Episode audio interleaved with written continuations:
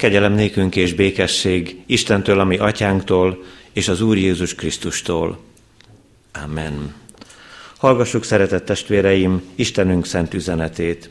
Úgy, mint megvan írva a jelenések könyve 20. részének 11. és következő verseiben a 15. versig.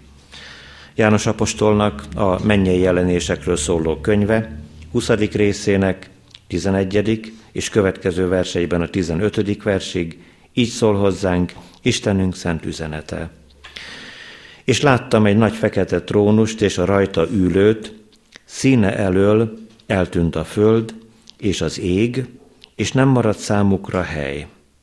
És láttam, hogy a halottak, nagyok és kicsinyek, a trónus előtt állnak, és könyvek nyittatnak ki.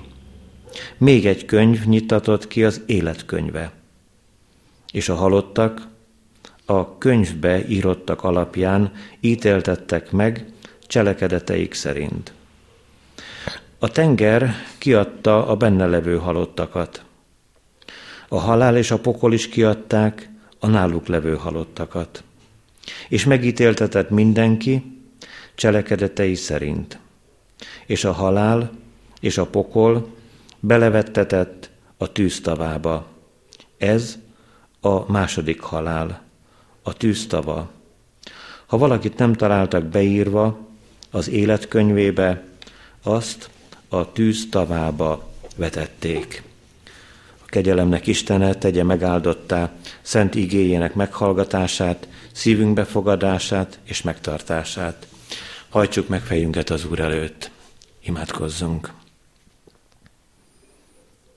Urunk, dicsőítünk és magasztalunk téged, a mögöttünk levő 365 nap, minden órájáért, az örömteli percekért, ajándékaid gazdagságáért, szeretetednek megmérhetetlen voltáért, a lelki kincsekért, amelyeket nem csak asztalunkra, de szívünkbe helyeztél, a mindennapi kenyérért, az erőért, az egészségért, azért, hogy végezhettük munkánkat, azért, hogy a szeretteinkre úgy tekinthettünk, mint akiket nekünk ajándékoztál.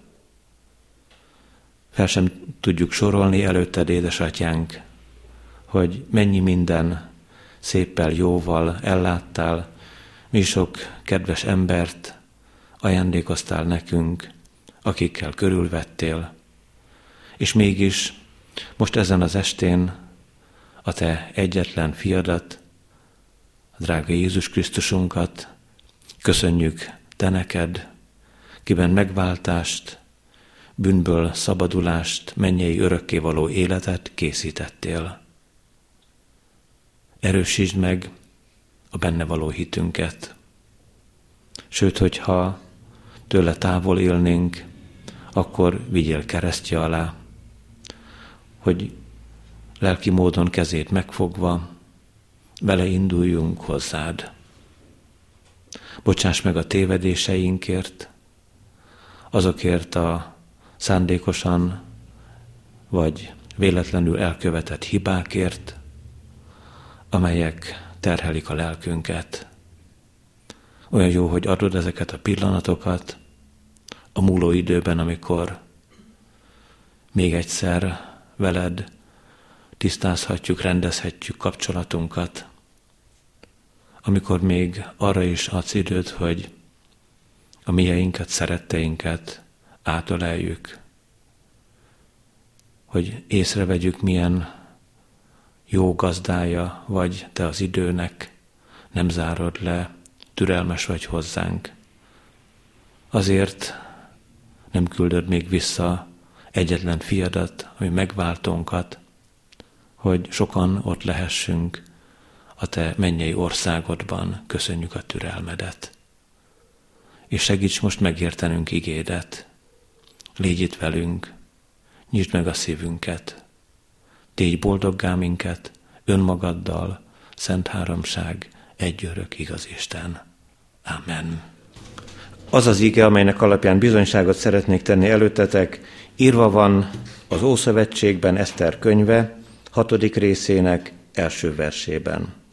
Eszter könyve hatodik részének első verséből így bátorít bennünket igéjével Isten szent lelke. Azon az éjszakán kerülte az álom a királyt. Ezért megparancsolta, hogy hozzák elő a nevezetes történetek könyvét, és olvassanak föl belőle a királynak. Eddig Isten üzenete.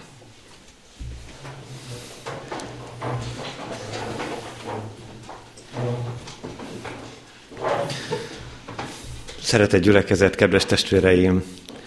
Kevés kivétellel talán mindannyiunkkal előfordult az életünk eltelt esztendeiben, hogy eljött az este, és készültünk arra, hogy kipihenjük a napnak a fáradalmait, és szívesen gondoltunk arra, hogy milyen jó lesz átaludni az éjszakát, és hogy az igében találjuk, kerülte a szemünket az álom. Ahasvéros királlyal minden esetre ez megtörtént, nem is akármilyen történelmi helyzetben érintette a saját személyét is. Ez az esemény, amikor azt mondta az alatvalóinak, hogy hozzátok elő a régi történeti könyveket, és olvassatok fel ezekből a könyvekből. Nekem úgy gondolta, ne töltse hiába. Az éjszakát hadd halljon valamit a régi eseményekből. És aztán szolgái valóban előhozták ezeket a régi könyveket, és ott lapozták fel, miszerint ez a király életének egyik pillanatában majdnem meghalt. Méghozzá egy összeesküvés következtében két kapu őre, ajtó őre fellázadt ellene, és elhatározták, hogy végeznek vele, és Mordokáj, vagy a Károli fordítás szerint Márdokeus megtudta, hogy a király életveszélyben van. És szólt a király feleségének, az ő unokahugának Eszternek, hogy vigyázz, a hasvéros király meg fog halni. Kivizsgálták az ügyet, kiderült, hogy tényleg ez a két kapu őr, ajtó őr úgy tervezte, hogy a királyt meg fogják ölni. Természetesen a két kapuőrt kivégezték, és a király hosszú idő után, amikor e történet szerint azon az éjszakán nem tudott aludni, megkérdezte az alatvalóit, hogy mivel tüntették ki mivel ajándékozták meg ezt az embert, aki megmentette az életem? És akkor azt mondták az alatvalók, hogy semmivel. Semmit se kapott. A történethez hozzá tartozik, hogy a babiloni fogság idején elhurcolt zsidók voltak abban a hatalmas birodalomban, ahol Ahasvéros király 127 tartomány fölött uralkodott, és Hámán az egyik legfőbb méltóság, a király után következő második ember elhatározta, hogy kiírtja a zsidókat. De nem sikerült a terve. Azért vetemedett erre, mert a zsidók között egy ember volt. Márdokeus vagy már Mordokáj, aki nem hajtott térdet Hámánnak, hivatkozva arra, hogy ő zsidó ember, ő csak az élő Isten, az egyetlen Isten előtt hajt térdet. Ezért tervezte úgy Hámán, hogy a birodalomban élő összes zsidó embernek meg kell halnia. Amikor ez az éjszakai beszélgetés történt, hát azt mondta a király az alatvalóinak, hogy meg kell jutalmazni azt az embert, aki engem megmentett. És nem jutott eszébe semmi, hogy milyen jutalmat lehetne adni. Azt mondta az alatvalóinak, hogy van itt a legnagyobb méltóságok közül valaki az udvarban? És mondták, hogy igen, Hámán, A második legnagyobb ember itt van. Behívatta magához Hámánt, és azt mondta, hogy te Hámán, akit ki akar tüntetni a király, annak milyen jutalmat kellene adni. És Hámán arra gondolt, hogy nyilván őt akarja kitüntetni a király, és akkor elbeszélte, hogy olyan koronát kell ö, tenni a fejére, mint a királynak van, olyan ruhába kell öltöztetni, mint amilyen a királyba öltözik, mint amilyenbe a király öltözik. Ö, elegáns hinton kell végigvezetni a városon, és a tömegnek azt kell kiáltani, hogy mindenki boruljon térdre előtte. Király erre azt mondta, hogy mordokájt akkor tüntest ki így. Közben Hámán Mordokájnak már felállított egy hatalmas nagy bitófát, amire másnap gondolta felakasztani. Aztán erre a bitófára a gonosz Hámán került, Mordokáj megmenekült, Dióhéjban ez az Eszter könyvének a története. Ha másképpen nem programozzátok be a mai estét, éjszakát, ezt a kis nyolc oldalt egy-két óra hossza alatt érdemes elolvasni a Bibliából. Különleges, mert nem fogja felmenteni Mordokáit sem, Eszter könyve elítéli Hámánt, a velejé gonosz embert, érdekes színben tünteti fel a hasvéros királyt, akinek olyan tekintélye, hatalma és ereje volt, hogy engedély nélkül be se lehetett lépni hozzá, bemutatja az embert, bemutat bennünket is önmagunknak. Hát kezdjük akkor, hogy mit is üzen. Most ennek az évnek az utolsó estéjén számunkra ez a régi történet. Azzal kezdtük, hogy nem csak a királyt kerülte az álom, hanem velünk is megtörténhet. Hiába nagy pozícióban van egy ember, és hiába lehetünk mi is a magunk helyén, érdekes, hogy az álomnak nem tudunk parancsolni. Hogyha úgy gondolja, hogy elkerül bennünket, akkor, akkor bizony ébren vagyunk. Lehet kísérletezni különböző altatókkal, érdekes módon Ahasvéros király nyilván élhetett volna sokféle lehetőséggel, mégis a történeti könyveket kérte, hogy abból halljon valamit. Mert úgy van az, hogy az álomnak Isten parancsol. Isten teszi olyanná az éjszakánkat, hogy párnára hajtjuk a fejünket, és boldogan kialusszuk magunkat.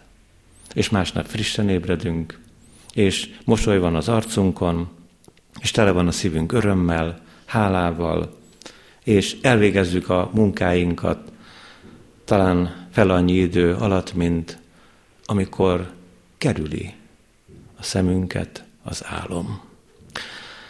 Vajon miért is gondoljuk ezt éppen szilveszterkor? Mert ezen az éjszakán mesterségesen teszi sok-sok ember azt önmagával, hogy kerülje szemét az álom. Valami oknál fogva nem mernek elaludni az emberek. Keresik a vigasságot, a mulatságot, valahogy el szeretnének feledkezni mind arról, ami történt 365 napon keresztül, a mögöttünk levő évben. És hogyha kerüli a szemünket az álom, akkor bizonyos dolgok eszünkbe jutnak. Például eszünkbe jut az, hogy vajon ugye eltelt ez az év, mennyi van még hátra?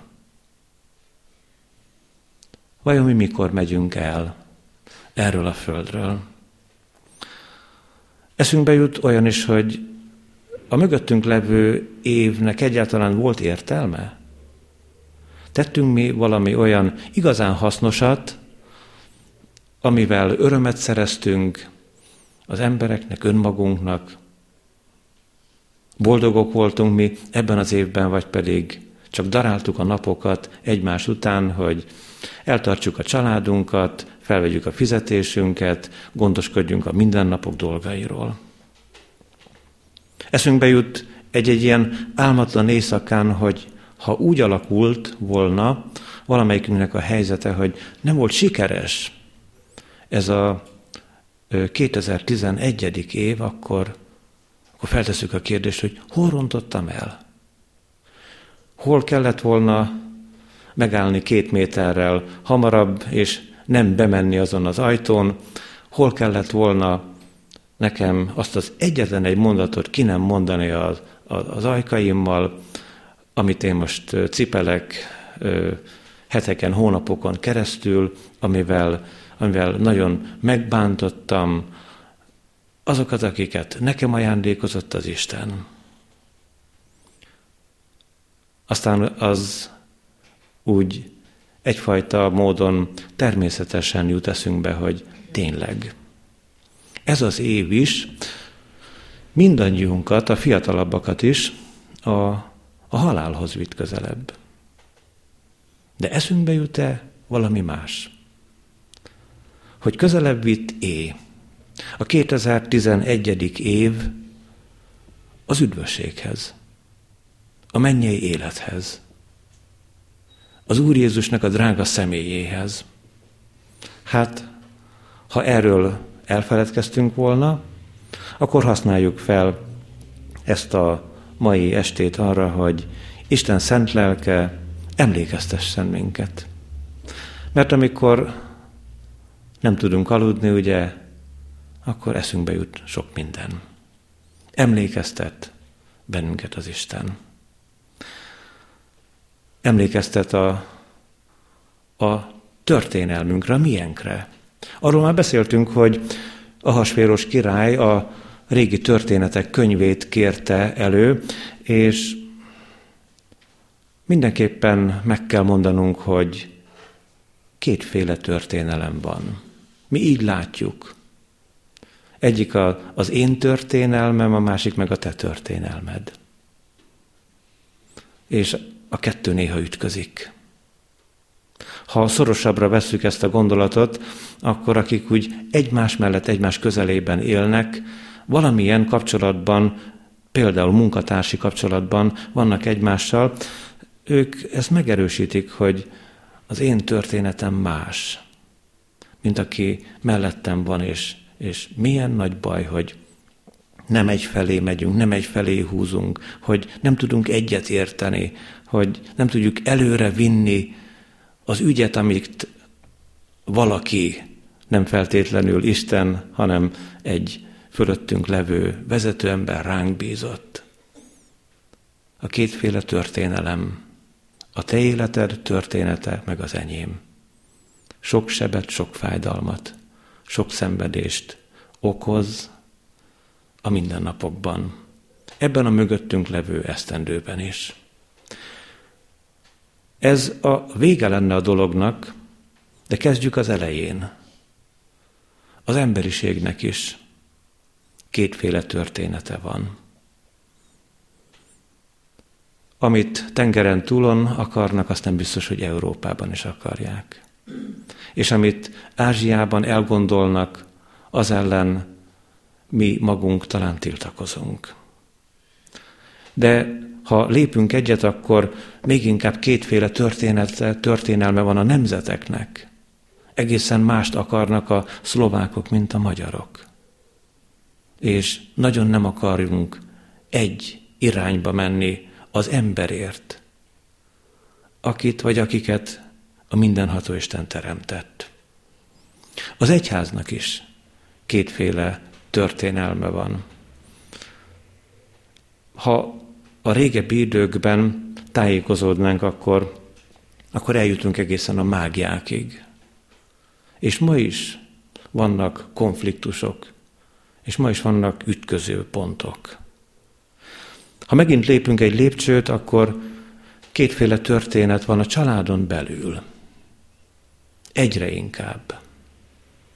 A családon belül nagyítóval kell keresni azt a közösséget, ahol mindenki egy irányba mozdul el, egyféleképpen gondolkozik. Akkor történik ilyen, az is nem minden esetben, ha a családot kívülről éri támadás, akkor, akkor összezár a család. Egyébként, ha kívülről nem bántanak bennünket, akkor a belső harcainkat hatalmas erővel tudjuk vívni egymás ellen.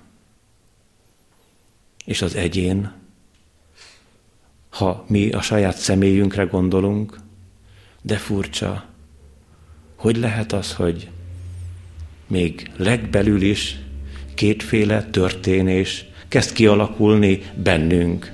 Elméletben tudjuk, hogy hogy kellene. Meg szeretnénk valósítani. Pálapostól azt mondja, a jónak véghez vitelét nem találom. Tudom, hogy mi a jó. De azt tapasztalom, hogy a bűn megvan bennem. Azon az álmatlan éjszakán, ami néha szilveszter, máskor Ahasvéros királynak az éjszakája. Ezek, ezek a gondolatok, ezek a kettősségek egyszerre csak onnan a mélyből feltörnek. Nem akarjuk, csak hogy valahogy, mintha egy, egy könyvbe lenne beírva, mint hogyha be lenne rajzolva az életünk története ott legesleg belül. És nem kell kinyitni a könyveinket. Sőt, azt mondhatjuk, hogy bár, bár az életrajzunk, az élettörténetünk csak egy könyvbe lenne leírva. Vagy azt mondanánk, hogy bár lenne valamilyen nevezetes szobrász, aki belevésné hatalmas kőtömbökbe az életrajzunkat, akkor azt mondanánk, hogy oda megyünk, és a nagy kőtáblákat összetörjük, és a könyvek lapjait kiszaggatjuk, és tűzbe vetjük. Ha finomabban bánunk a saját életkönyvünkkel, akkor előveszünk valamilyen sötét tollat és bizonyos mondatokat, belőle kihúzogatunk, csak hogy az élettörténetünk bele van írva a szívünk közepébe, a lelkünkbe.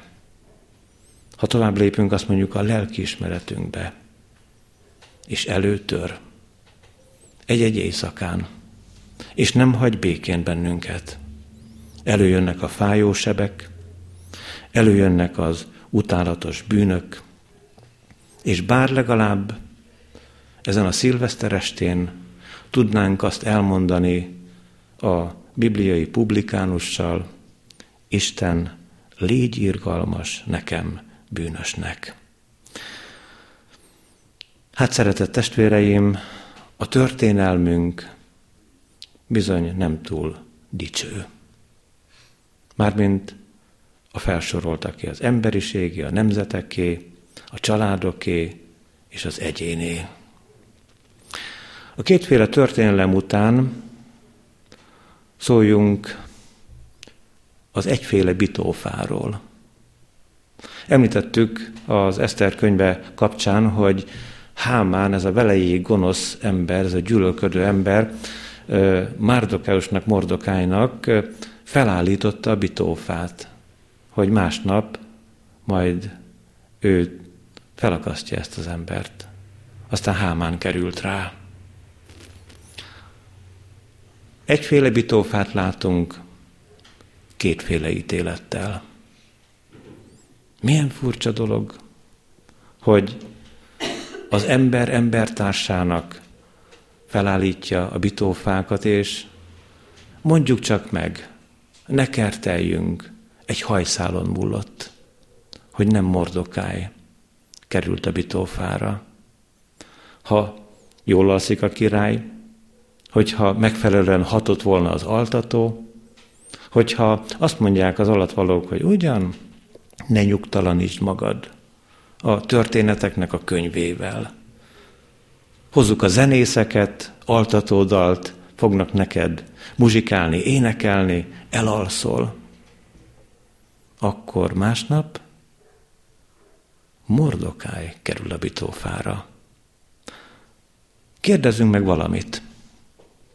összességében Mordokáj megérdemelte volna Bitófát?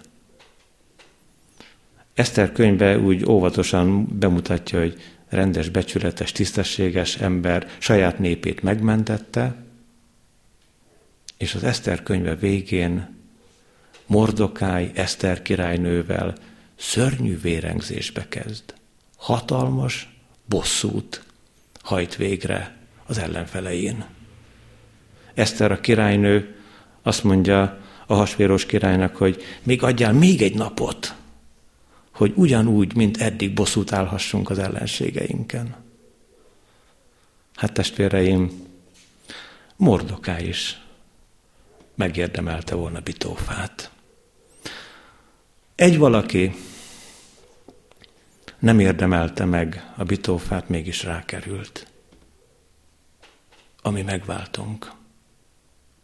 Hogy hordozza Mordokánynak a bűnét, Hámánnak a bűnét, a hasvéros királynak, a gyönyörű Eszter királynőnek, olyan szép a, a zsidó neve Hadassza.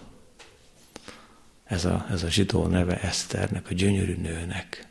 Az Eszter bűnét is, hogy hordozza Jézus. Meg az enyémet, meg a tiédet.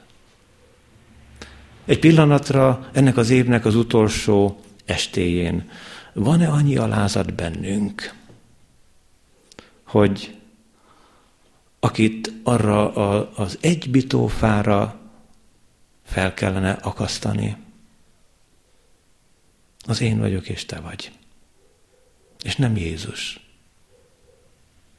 És ő van a bitófának kereszten. Minnyájunk bűnéért. Mordokájról azt mondtuk, hogy majdnem oda került a bitófára. Jézusról nem mondjuk, hogy majdnem hanem bizony oda került. Poncius Pilátus tette? Nem. Azt mondja a Gecsemáni kertjében az Úr Jézus, hogy, hogy ha lehetséges, múljék el tőlem a keserű pohár. Azt mondja kereszten, hogy én Istenem, én Istenem, miért hagytál el engemet? Mindig közbe lehetett volna lépni, Mondhatta volna Gecsemáné kertjében az atya, hogy gyere menjünk, nem kell kiírni a keserű pohárt, és akkor nem lennénk megváltva. A dühöngő ellenfelei ott kiabálnak a kereszt alatt az Úr Jézusra, hogy ha Isten fia vagy, szállj a keresztről. Földbe gyökerezett volna a lábuk.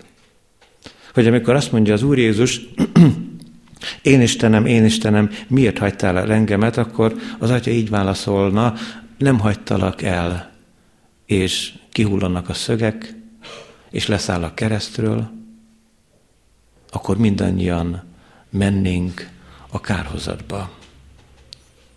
Nem a zsidók ármánykodása, nem Poncius Pilátusnak az ötlete, hanem az atya szeretete és engedélye nyomán halt meg az a bitófán, akinek nem kellett volna oda kerülnie.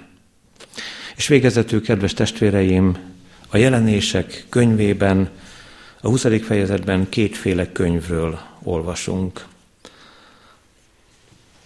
Azt már tisztáztuk, hogy íródik a családkönyvünk, az élettörténetünk, és közben íródik a csupa nagybetűvel mondott életkönyve. Ezt az életkönyvet az Úr Jézus a vérével írja. Olyanról hallunk a jelenések könyvében, hogy akinek nem lesz ott ebben a könyvben a neve, az nem lesz ott a mennyben sem. Volt egy kérdésünk 2011-ben. Közelebb kerültünk-e az üdvösséghez.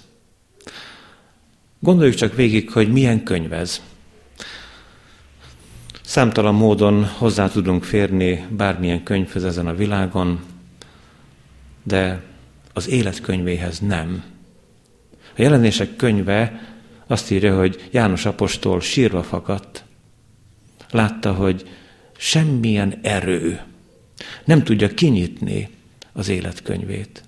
És amikor már teljesen elkeseredett, akkor hallotta a vigasztalást, hogy győzött a Júda nemzetségéből való oroszlán, azaz Jézus. És méltó arra, hogy kinyissa a könyvet és feltörje annak a pecséteit.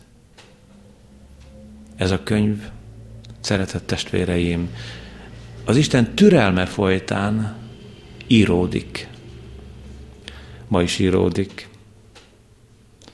És aztán, hogy holnap vagy holnap után is íródik-e, azt az Úr, a mindenható Isten tudja. A fiú sem, hanem egyedül az Atya. Valamit azért még végezetül elmondanék. Jézus nélkül nincs beírás. És hogyha nincs oda beírva a te neved és az én nevem, abból, abból nagy büntetés lesz. Azt mondják, hogy a népszámlálás során, aki nem végezte el a maga feladatát, az valamilyen büntetést fog kapni, majd valamilyen pénzbüntetést nyilván. Még inkább gondolhatunk arra, hogy ha József és Mária nem mennek el Betlehembe, akkor súlyos büntetést kaptak volna Augustus császár parancsa nyomán. Ha meg akarnánk érteni ennek a beírásnak a, a határozott voltát, akkor aki a tegnapi napon nem jelezte, hogy ő végtörleszteni szeretné a hitelét, akkor az, az már nem fogja. Az elszalasztotta. Ezek, ezek valamilyen módon pótolhatók. Természetesen nem úgy, hogy egy ö, meghosszabbított törvényel, hanem majd valamilyen új rendelkezés lesz és egyebek. Meg a pénzbüntetést is, ha kell, kifizetjük. De Jézus nem kerülhetjük meg. Jézus nélkül nem lesz beírva, még a te neved sem testvérem, az élet könyvébe. Ő az ő vérével írja. Ő az egyetlen egy, aki méltatlanul szenvedett a kereszten, hogy megváltsa ezt a világot benne, a te életedet, meg az enyémet. Pörög az idő, íródik az az élettörténetünk, és közben az életkönyve is. Érdemes gondolkozni ezen. Eszter könyvéhez, ha úgy alakul a mai estén, jó olvasást kívánok, és egyben boldog új esztendőt. Amen. Imádkozzunk!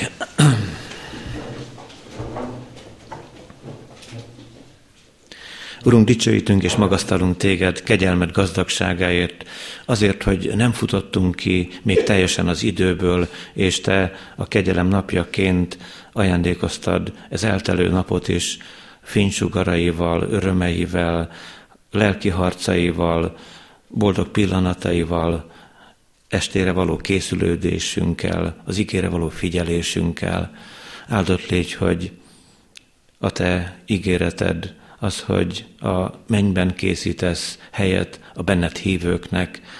Segíts, hogy be legyen írva a mi nevünk az élet könyvébe, hogy, hogy szövetséget kössünk veled, hogy a szívünket egészen odaadjuk neked, hogy a te szabadításodat, megváltó szeretetedet igényeljük, amíg arra van nekünk lehetőségünk. És köszönjük, hogy a jó hírt, az evangéliumot, hogy te nem elítélni, hanem üdvözíteni akarod a világot, ma is hirdetteted, hirdettest tovább rajtunk keresztül a szeretteink körében, otthonainkban is, és tedd áldottá ezt az estét, amit most megélhettünk, és köszönjük a mögöttünk levő évnek azokat a kincseit, amikor te veled találkoztunk, rád figyelhettünk, amikor egyszer-egyszer kivételesen nagyon kedves volt a te ígéd, nagyon vigasztaló, bátorító, amikor igazi félelmetes, nehéz mélységekből emelt fel, amikor átélhettük, hogy te valóban megmentettél, valóban a haláltól mentettél meg, mint ahogyan az igében Mordokájt, Márdokeust megmentetted a bitófától. Hányszor voltunk, Uram, életveszélyben, hányszor kerültünk olyan helyzetbe, hogy a szívünkben nagyon nagyra nőtt az elkeseredés, és te megvidámítottál, boldog pillanatokat adtál önmagaddal, megajándékoztál, jó volt veled lenni, jó volt rád hallgatni, benned békére találni. És aztán jó volt az emberek között testvéri szívre is találni őket, és te ajándékoztad nekünk.